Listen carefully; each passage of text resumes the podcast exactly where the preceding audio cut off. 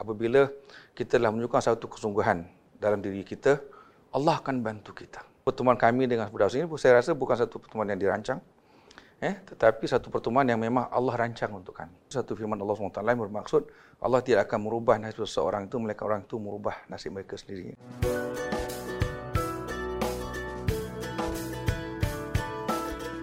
Baik, Assalamualaikum semua. Selamat datang ke Diari Ayah. Uh, Diari Ayah adalah uh, sebuah podcast YouTube dan juga video Facebook uh, yang saya terbitkan untuk uh, mendengarkan kisah-kisah uh, yang boleh kita jadikan uh, motivasi. Ini adalah bahagian kedua uh, podcast tentang Muhammad Firdaus di mana beliau sudah membuat keputusan untuk kembali asal, kembali ke fitrah dan uh, Firdaus ada uh, menerangkan bahawa ada dua insan yang membantu beliau iaitu Ustaz Basir dan juga Ustaz Fadlun. Bagaimana mereka membantu Firdaus dan um, ramai yang lain yang memerlukan untuk kembali kepada fitrah. Uh, mari kita bersama mereka. Terima kasih uh, Ustaz Basir dan juga Ustaz Fadlun kerana sudi bersama saya. Mungkin uh, Ustaz Basir dapat ceritakan bagaimana dapat mengenali uh, Firdaus uh, bila saya tak tahu sama dia dia yang mendekati anda ke atau anda yang mendekati dia. Siapa yang kenalkan? Uh, sebenarnya saya bukan uh, buat dakwah dalam bidang uh, orang-orang seperti dia. Hmm. Kita lebih kepada uh, bekas uh, pesalah. Uh, program kita lebih pada bekas pesalah. Tapi uh, dia uh, seorang daripada kenalan kita yang juga uh, beliau bekerja di uh, semi government body ya.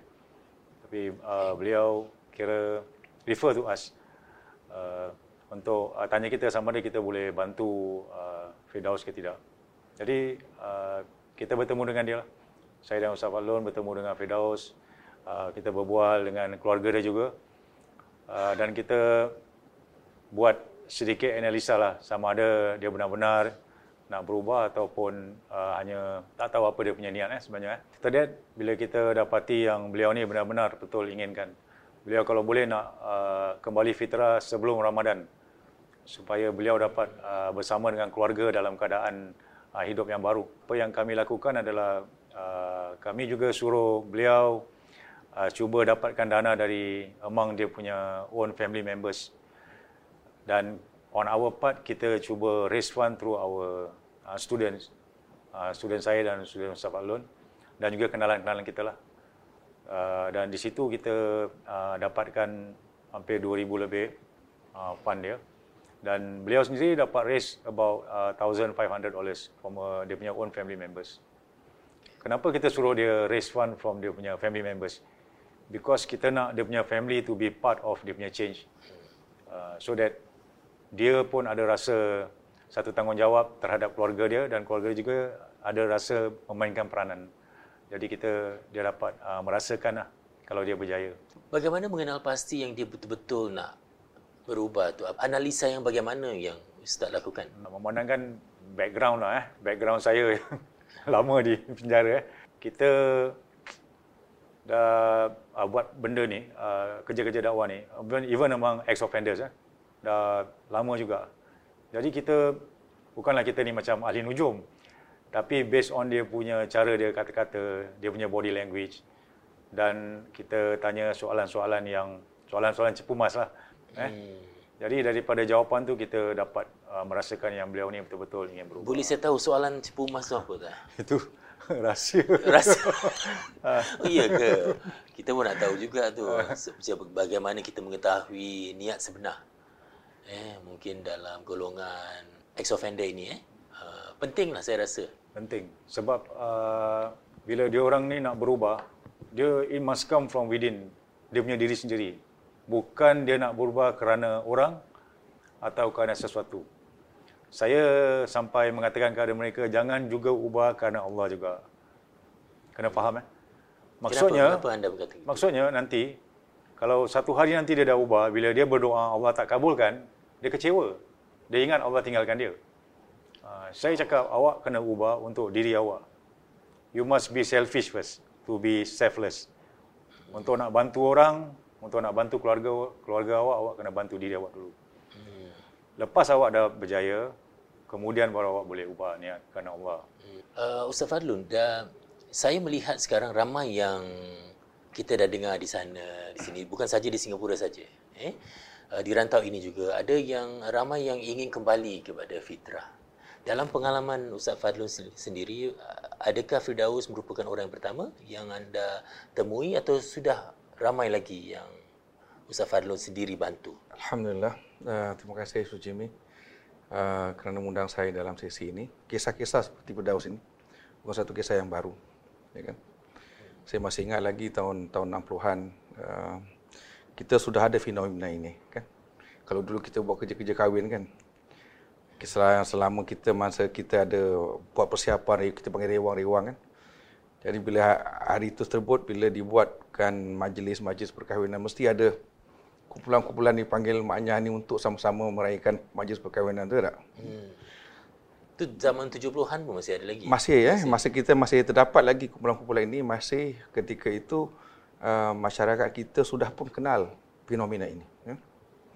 Di mana uh, fitrahnya dilahirkan sebagai seorang lelaki, tetapi jiwanya itu mirip kepada uh, keadaan-keadaan uh, bertentangan dengan ciptaan Allah tu. Jadi kalau dia seorang lelaki, jiwanya pula mirip kepada seorang wanita. Dan ini bukan satu yang baru. Tetapi apa yang berubah dalam dalam evolusi kehidupan kita ini, ya kan? akhirnya uh, masyarakat seperti ini mereka uh, biasanya akan dipandang seru oleh masyarakat umum. Mereka ada kumpulan mereka tersendiri kan dan bila masyarakat ada yang masyarakat yang mencemooh, ada yang mereka yang mengejek, ada juga masyarakat yang bukan soal menerima tetapi uh, ada yang menggalakkan untuk um, mereka terus hidup dalam seperti keadaan seperti itu. Itu yang adanya majlis-majlis uh, apa ni maknya yang berdasar-dasar dan sebagainya. Dalam jiwa mereka ini, eh, kalau mereka dilahirkan sebagai seorang Islam, mereka bukan tak kenal hukum, mereka tahu hukum. Tetapi untuk mereka melawan naluri yang timbul daripada jiwa mereka ini yang kadang-kadang tidak di tidak dirasakan oleh family ketika peringkat awal dan mereka ini bila dah terjadi seperti itu, mereka mengikutkan naluri mereka sehingga kan mereka kadang menyembunyikan identiti sebenarnya mereka ini daripada keluarga mereka. Dan mereka kadang sembunyi-sembunyi keluar berjumpa dengan kawan-kawan yang senasib seperti mereka.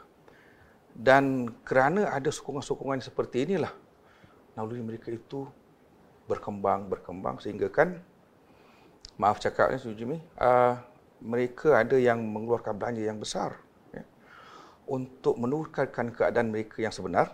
Kalau seorang lelaki itu mereka akan buat implan pada buah dada mereka, ya kan? Dan ada juga yang yang begitu ekstrim menukarkan jantina mereka. Dan ada beberapa kes yang saya pernah kendalikan juga.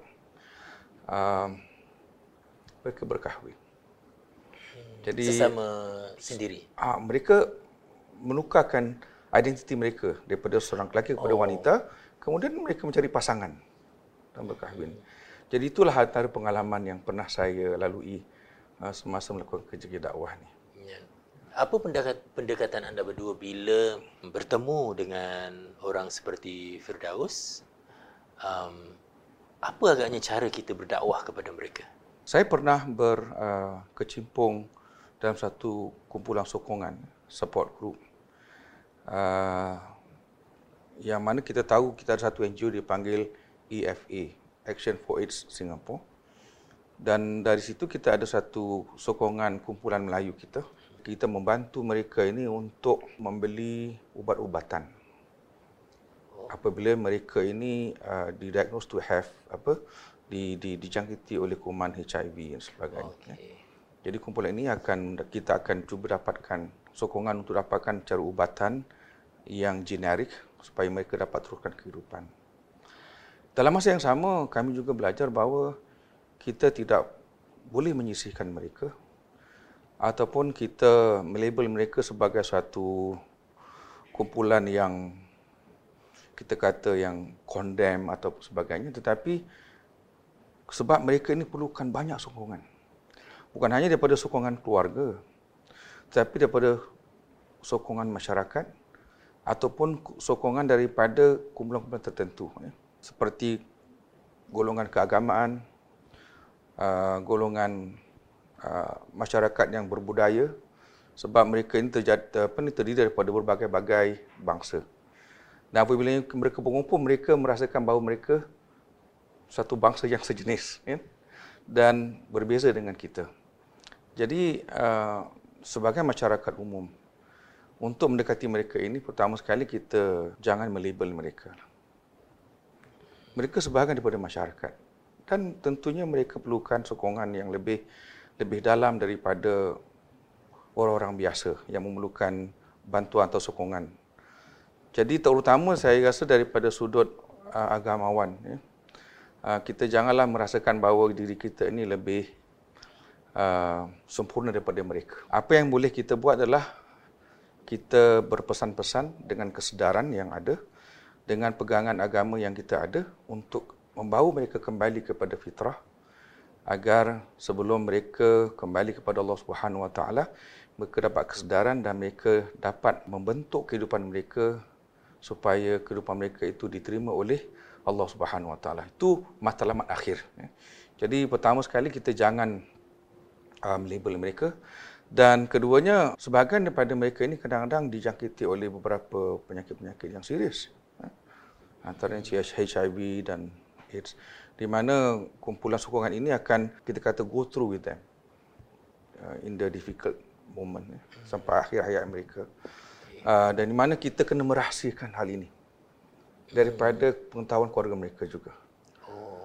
Ya, jadi kadang-kadang uh, ahli keluarga mereka tetap tahu uh, atas sebab apa kematian mereka itu. Jadi kita sebagai apa ni kata orang-orang agama itu kita janganlah melabelkan mereka uh, mereka mati kerana HIV atau AIDS dan sebagainya tetapi kita rujukkan kepada pakar perubatan yang mengesahkan apakah kematian mereka itu TB ke sakit buah pinggang dan sebagainya dan uh, apa yang kita boleh lakukan adalah di akhir-akhir hayat mereka ini mereka kita kena harus berikan sokongan bukan hanya kepada mereka Sujumi hmm. tapi terhadap keluarga mereka keluarga juga. Mereka, eh. uh, selain daripada Firdaus, saya pernah bertemu dengan seorang yang sudah pun menukar jantinanya keseluruhannya sekali. Dan sama juga uh, bila umurnya sekitar dah 50 uh, nak nak lebih pada 40 dan mencapai 50, beliau nak kembali kepada fitrah tetapi uh, dia tidak membuat pembedahan. Tapi dia nak solat.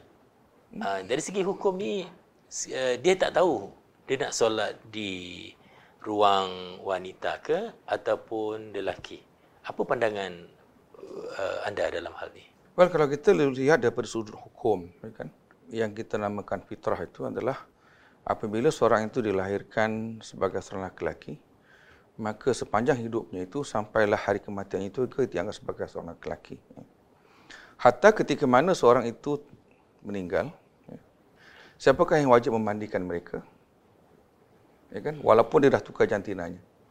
Tetap kalau ikut hukum yang akan mandikan itu adalah orang lelaki-lelaki. Ya. Ha, walaupun dia telah tukar jantina.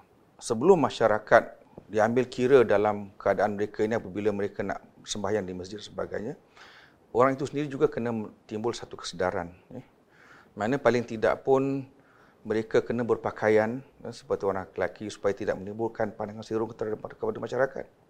Tapi kalau dia datang dengan pakaian perempuan, sembahyang di tempat lelaki-lelaki, tentulah masyarakat akan pandang sirung kan. Ha, jadi kalau mereka dapat mengenakan suatu uh, tindakan yang wajar, itu yang kata Ustaz Bashir tadi. Uh, kita ada beberapa soalan cepu emas yang kita ajurkan. Sejauh manakah uh, iltizam mereka untuk berubah? ya kan bukan hanya daripada sudut uh, apa ni percakapan mereka uh, kita juga kena menyelami niat mereka dan mereka ini kena zahirkan ya. kalau mereka kata saya nak berubah tapi pakaiannya masih pakaian wanita dan sebagainya jadi ini tidak menunjukkan kesungguhan mereka jadi kalau yang pertama sekali saya masih ingat lagi ketika mana saya jumpa dengan Firdaus ya beliau sudah berpakaian seperti laki-laki sejati ya.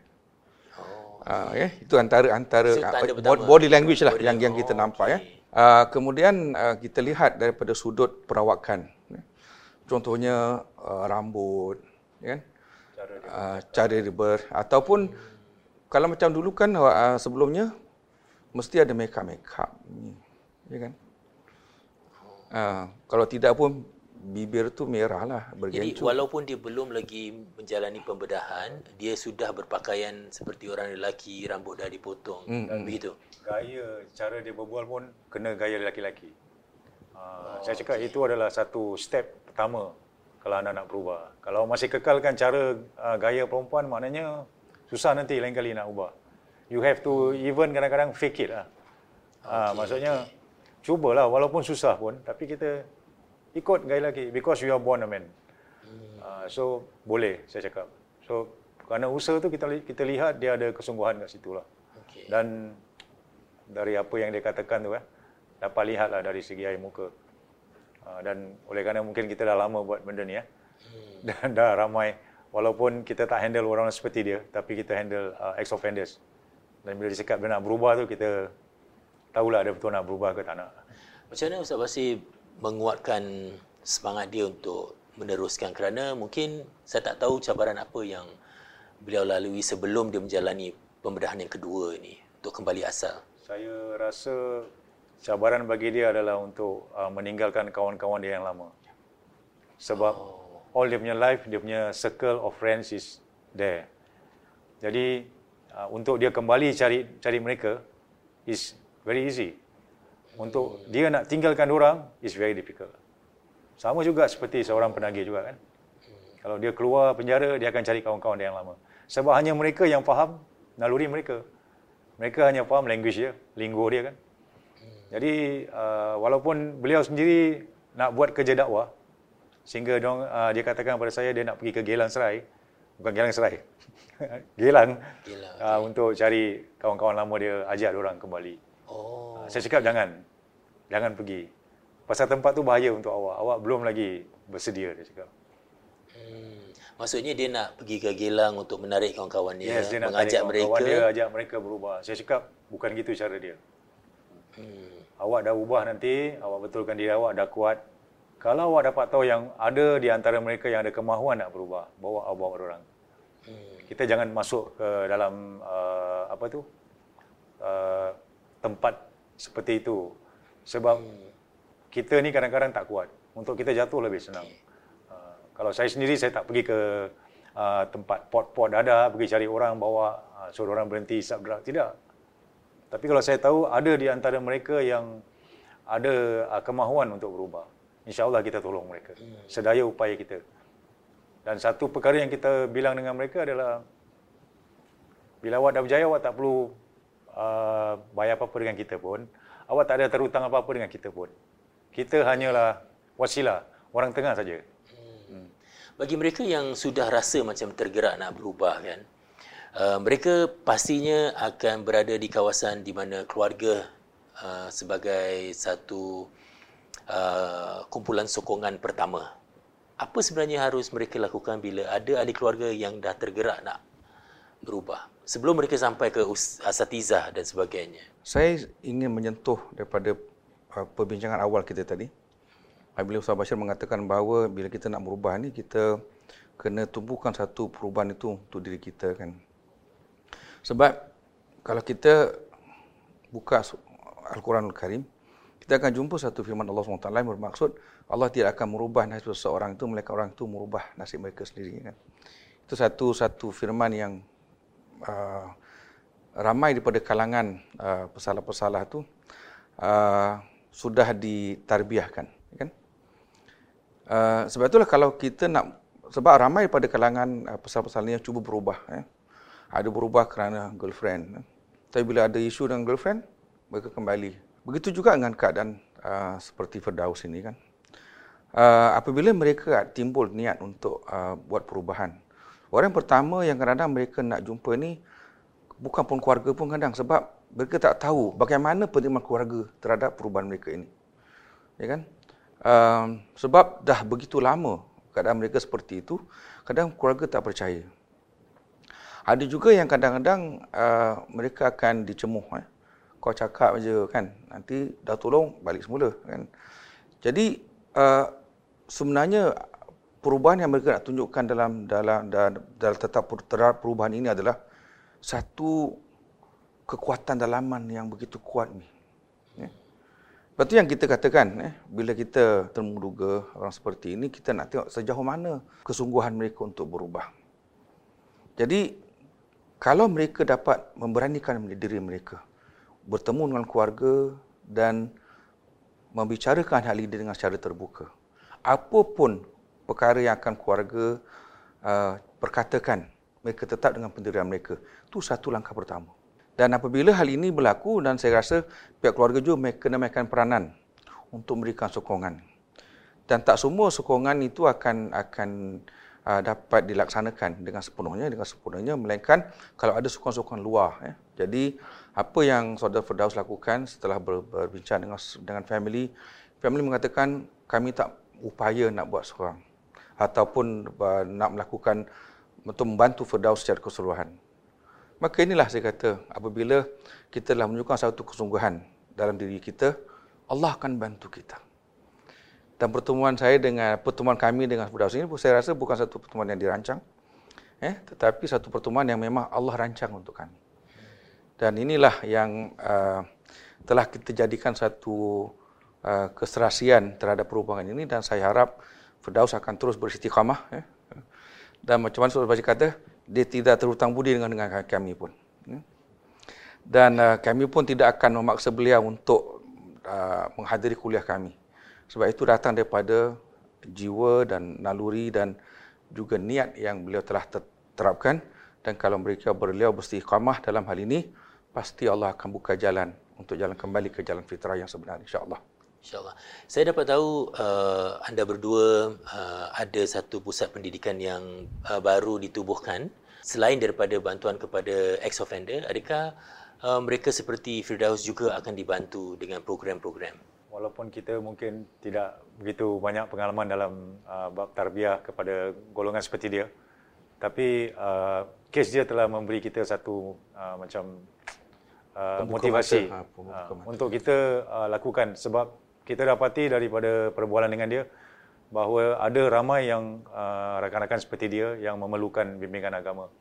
Jadi kita akan buka satu kelas uh, insya-Allah di Hexacube uh, di bawah naungan Muslim Counseling Service dan uh, kelas ni kita akan buat special for them. Separate from the normal class. Bukan kita nak sisihkan orang tapi kita nak uh, mereka tu merasa uh, comfortable among themselves first apabila kita rasa yang mereka sudah betul-betul uh, fully rehabilitated baru kita akan campurkan uh, dengan uh, kelas kita yang lain-lain. Kira bantuan khusus yes, untuk mereka saja correct, eh? betul. Because uh, for even our classes yang dengan ex offenders pun dia bukan kelas yang secara general. Mereka ni perlu dilayani individually. Because each and every one of them dia punya story, dia punya masalah is all unique is different. Kita tak boleh uh, buat satu program dan pukul rata semua. Takkan berjaya. Kita perlu juga uh, minta pandangan daripada mereka. Supaya bila mereka berjaya nanti, mereka akan rasakan bahawa this is part of my own initiative also. Uh, tak boleh semua daripada orang. Uh, kita buat macam gitulah caranya hmm. maksudnya. Saya pernah nampak uh, Ustaz Fadlun dan Ustaz Basir mengendalikan kelas untuk ex-offender. Eh. Saya berada di sana untuk buat penggambaran. Dan saya melihatnya macam anda berdua ni uh, mengendali kelas tu dengan mudah. Mungkin kerana dah berpengalaman eh. Saya. Tapi ceritakan sedikit cabarannya. Kerana saya rasa tak ramai tahu yang cabaran anda berdua melalui eh membantu berdakwah kepada ex offender. Biasanya dulu kalau waktu ustaz masih uh, mengajar di penjara kan. So ustaz will be macam kita punya marketing lah. So every time any offenders ni yang nak keluar dari penjara kan, kita akan beritahu yang uh, ada tempat di Masjid Khalid, mereka boleh datang lah untuk uh, kelas agama atau lain-lain sokongan. Uh, kemudian by word of mouth, sekarang ni sebab Ustaz dah tak masuk lagi di penjara, uh, untuk mengajar lah eh. Uh, untuk mengajar. Memang Ustaz tak masuk penjara. Nanti orang kata, you masuk penjara lain bukan? Uh, untuk mengajar. Untuk mengajar. So, uh, what we do now is uh, macam more on a bit on social media kan uh, hmm. and then from word of mouth daripada kawan-kawan lah. So siapa siapa saja yang uh, memerlukan uh, kita uh, alu-alukan lah. Sebenarnya saya ingat pada tahun lalu uh, kami juga telah buat satu program umrah bagi bekas bersalah dan uh, kita membiayai separuh daripada uh, perbelanjaannya. Dan apa yang menariknya adalah sebahagian daripada jamaah saya ini uh, mereka ni yang mempunyai tatu hampir kebanyakan pada badan mereka, tubuh mereka. Uh, walaupun kadang-kadang kalau maaf cakap kalau kita pakai ihram sebagainya, uh, tattoo tu akan terselah dan nampak sebagainya. Ini satu perkara yang saya rasa bagi saya satu pengalaman baru. Tetapi alhamdulillah kerana jiwa saya ini merasa mereka ini sama seperti saya. Saya tidak berbeza dengan mereka daripada sudut uh, ciptaan Allah Subhanahu Wa Taala. Mereka manusia, saya juga manusia seperti mereka.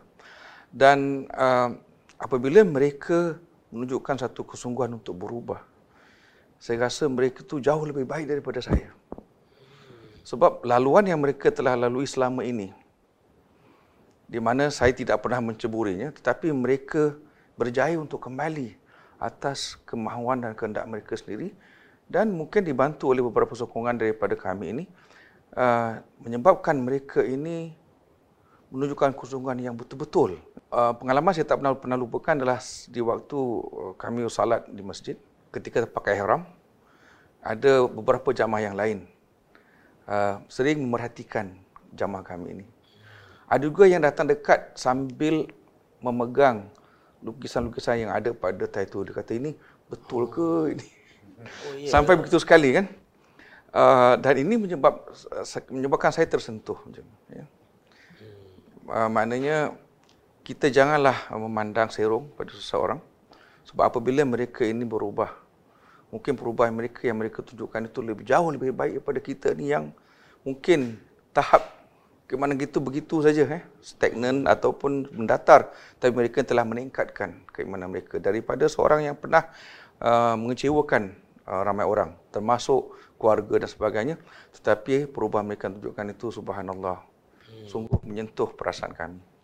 Uh, pengalaman ustaz ini membawa saya kepada satu soalan yang sering saya uh, memikirkan bila seorang itu seperti Muhammad Firdaus di mana beliau sudah menjalani pembedahan pertama. Eh, beliau implan buah dada dia. Kemudian orang yang bertatu.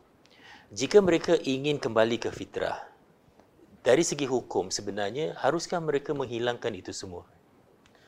Ramai daripada kalangan masyarakat ataupun termasuk ahli-ahli keagamaan yang mungkin uh, memberikan pandangan yang salah terhadap orang-orang yang bertatu. Eh. Uh, kalau disudut diselat pada satu sudut daripada apa dia pada sudut hukum ada tattoo yang wajib dibuang eh? seperti uh, tattoo itu yang melambangkan lambang-lambang keagamaan lain oh. eh? dalam hal itu untuk mengelakkan daripada sebarang fitnah di belakang hari contohnya ketika dia meninggal sebagainya kalau ada tattoo-tattoo seperti itu orang akan menganggap bahawa ini Islam ke bukan Islam jadi kalau adalah lama-lama keagamaan, wajib dibuang. Hmm. Adapun uh, gambar-gambar lukisan yang selain daripada lama-lama keagamaan, itu menjadi harus. Sekiranya membuang mendatangkan mudarat yang lebih, maka keadaan itu uh, kita nasihatkan tak perlu dibuang. Hmm. Timbul persoalan, apakah sah uh, sembahyang seseorang itu ketika uh, mereka bertatu? dia tidak ada satu jawapan yang yang yang direct yang langsung. Sebab kalau kita berikan satu pandangan yang silap, penerimaan mereka ini akan juga terpesong. Eh. Contoh ni eh. Kalau ada seorang ustaz kata, kamu ni punya tattoo ni menyebabkan air sembahyang tak sah. Bila sembahyang tak sah, salat tak sah.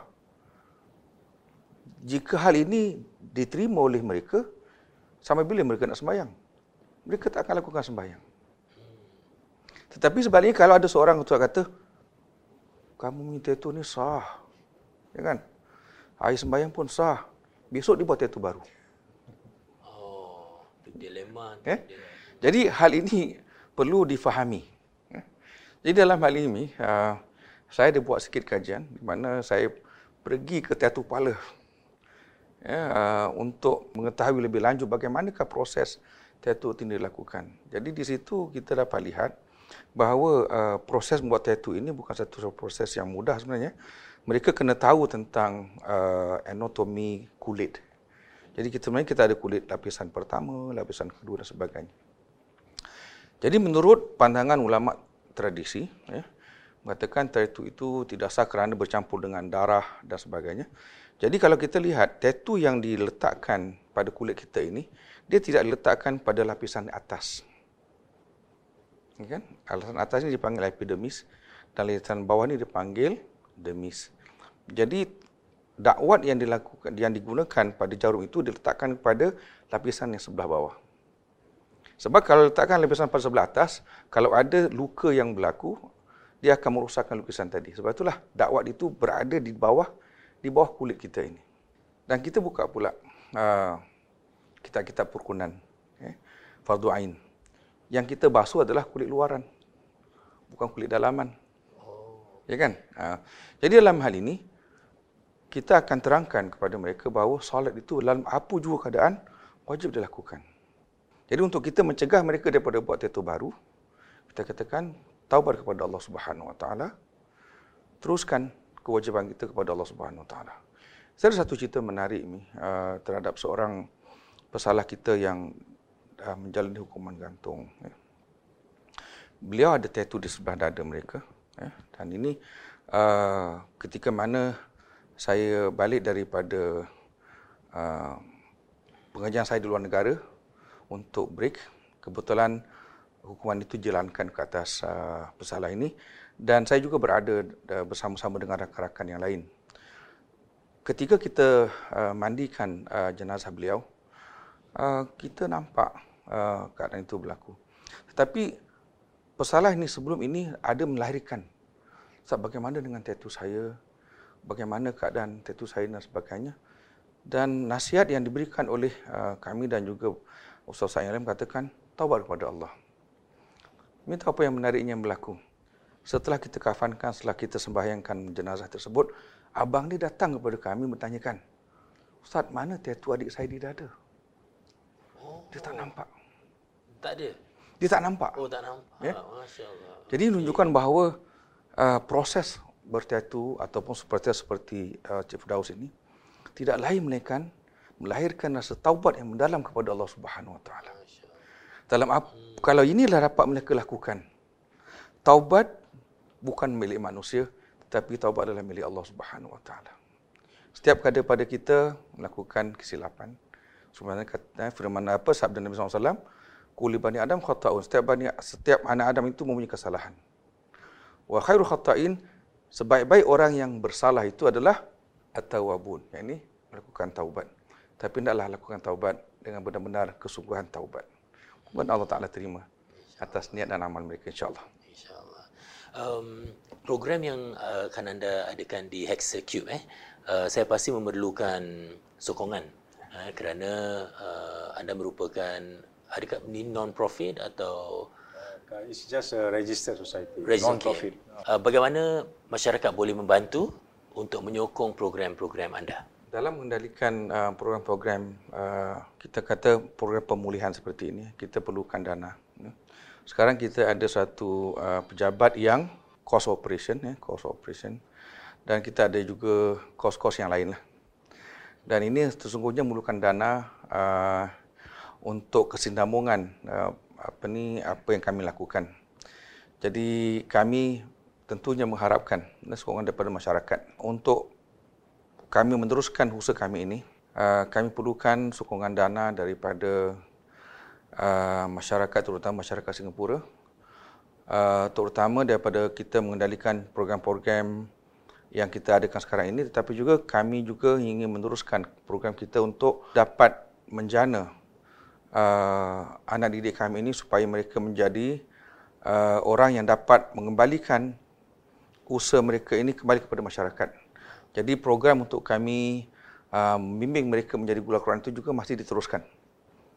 Ya, jadi terima kasih kepada Sujimi yang telah membantu kami pada awalnya dan sejauh ini kami telah uh, uh, menghantar kurang lebih berapa enam orang lima telah lulus bahagian sijil lah. Sijil. sijil guru Dan Quran dua dan uh, satu diploma dan satu lagi dalam uh, proses penghabisan lah, uh, tahun penghabisan diploma juga. Ini untuk pengetahuan yang sedang mendengar ataupun sedang menonton, uh, kita ada buat satu crowdfunding tempoh hari uh, di mana dana ini uh, khusus dikhususkan untuk membantu mereka yang ingin melanjutkan pelajaran, meningkatkan diri, mendapatkan diploma uh, dari segi Al-Quran. Eh? Jadi bagaimana mereka boleh bantu anda semua ni? Ke mana yang harus mereka su- uh, salurkan bantuan? kami uh, mengalu-alukan uh, setiap apa ni pemberian sama ada daripada bentuk zakat daripada bentuk infak eh, ataupun uh, derma kilat daripada masyarakat yang boleh disalurkan kepada pertubuhan kami. Kita panggil MCS eh, Muslim Counseling Service. Uh, di mana kami sekarang dalam proses untuk melakukan uh, pemindahan apa ni perakuan kita daripada manual kepada digital. Supaya masyarakat lebih mudah untuk membuat uh, apa ni pendereman itu menerusi PayNow dan sebagainya. Jadi insyaallah uh, kalau prasarana ini telah kita siapkan maka kami akan mewawarkan hal ini kepada masyarakat umum insyaallah. Dan sokongan masyarakat masih kami harapkan. Apakah ucapan anda uh, pesanan untuk mereka yang mungkin pertama seperti senasib dengan uh, saudara kita Firdaus yang sedang melalui uh, hidup mereka ini dan sedang mencari-cari jawapan. Tidak ada harapan yang lebih tinggi saya harapkan agar mereka tampil ke hadapan. Uh, mereka kena mengenepikan apapun pandangan negatif masyarakat terhadap diri mereka. Mereka kena merupakan apapun perkara yang telah mereka lakukan selama ini untuk mereka memperbaiki diri eh uh, untuk mendekatkan diri kepada uh, Tuhan mereka kena ketepikan setiap perkara-perkara yang negatif dalam jiwa mereka. Jangan malu untuk tampil ke hadapan. Jangan merasa segan atau merasa silu untuk menampilkan diri mereka dengan keadaan mereka seadanya sebab kami sentiasa membuka pintu kami untuk mereka, menerima mereka dan berjalan bersama-sama mereka untuk kami dapat memberikan khidmat-khidmat yang telah ada pada diri kami, pengalaman-pengalaman yang ada pada diri kami untuk membantu mereka seadanya. Ya. Jadi peluang ini saya rasa tidak patut mereka lepaskan begitu dan saya harap uh, saudara Firdaus dapat membantu juga uh, diri beliau untuk terus beristiqamah. Sebab ini tahap pertama bagi uh, saudara Firdaus untuk membuat perubahan diri. Sebanyak lagi tahap-tahap uh, yang perlu saudara Firdaus lakukan terutama berdampingi dengan orang-orang yang yang dapat memberikan uh, nasihat, dapat memberikan sokongan yang baik untuk beliau terus uh, membuat satu perubahan diri yang lebih baik. Dan mudah-mudahan ini dapat dijejaki oleh rakan-rakan beliau dan saya mengalu-alukan uh, kehadiran Firdaus dan rakan-rakan ke pusat kami. Uh, dan sa- sama-sama kita saling membantu agar kita dapat satu masyarakat yang lebih harmonis dan mudah-mudahan perubahan yang mereka tunjukkan ini akan menjadi satu legacy kepada generasi akan datang insyaAllah. InsyaAllah. Uh, Ustaz Basir? Kami juga uh, ada mendapat uh, request daripada pesalah-pesalah wanita. Oh, Sebab baik. mereka juga kata mereka juga perlukan program seperti ini. Uh, cuma saya katakan bahawa uh, memang dari dulu kita nak mulakan. Cuma saya belum lagi bertemu dengan mana-mana asatiza yang sanggup. Maksudnya ustazah ke yang sanggup mengendalikan. Sebab saya tak nak mengendalikan program ini secara uh, direct. Saya akan uh, sokong dari belakang. Uh, tapi insya-Allah kalau uh, dalam masa yang terdekat ni kita akan mulakan satu program untuk mereka. Saya pun dah kontak dengan mereka juga uh, bekas-bekas pesalah wanita ni. Uh, cuma kalau bagi saya lah kalau ada asatiza yang berpengalaman untuk mengendali mereka. Saya tahu bukan senang. Uh, bukan semua asatiza boleh masuk dalam bidang ini. Sebab uh, mereka juga perlu ada pengalaman dalam dunia mereka. Seperti macam mana sunyi milihat saya dengan Ustaz. Uh, Ustaz will handle the soft part, saya will handle the hard part. Hard part bermakna Hard partnya maknanya uh, benda-benda yang uh, mereka buat yang Ustaz tak tahulah. Oh, Ustaz okey, tak ada pengalaman dalam dunia ini.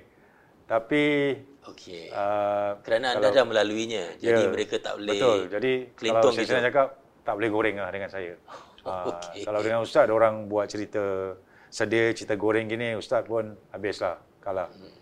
Ah, Tapi Itu nak cari asatiza wanita yang sudah melalui itu sebab itu yang agak susah. sukar eh. Mungkin kalau ada pun uh, mereka takkan tampil ke depan. Saya pun faham sebab mungkin stigmanya uh, dan uh, masyarakatnya tanggapan berbeza eh, untuk lelaki dengan wanita. Ini this is reality yang saya katakan. Saya katakan. Tapi sekiranya tak ada pun tak apa. Uh, kita akan cari bekas-bekas pesalah wanita yang sudah berjaya uh, untuk menjadi macam role model and then they will be macam dia punya backbone lah. Itu satu usaha yang kita akan lakukan di Execute insya-Allah, insya-Allah. insya-Allah. InsyaAllah. Terima kasih kepada anda berdua kerana sudi bersama saya dan uh, sekaligus membantu uh, Firdaus dalam hal ini dan beliau sudah pun uh, dari secara, fizikal balik asal. Eh, itu penting kerana anda sudah pun menjalankan uh, pungutan untuk dana itu dan uh, kepada anda yang ingin membantu usaha mereka, uh, anda boleh cari nanti saya letakkan uh, bagaimana anda boleh menghubungi uh, pusat pendidikan di Hexa uh, Cube ini dan uh, sama-sama kita menyokong usaha mereka kerana saya rasa uh, ini adalah uh, golongan sasaran yang saya rasa bukan mainstream.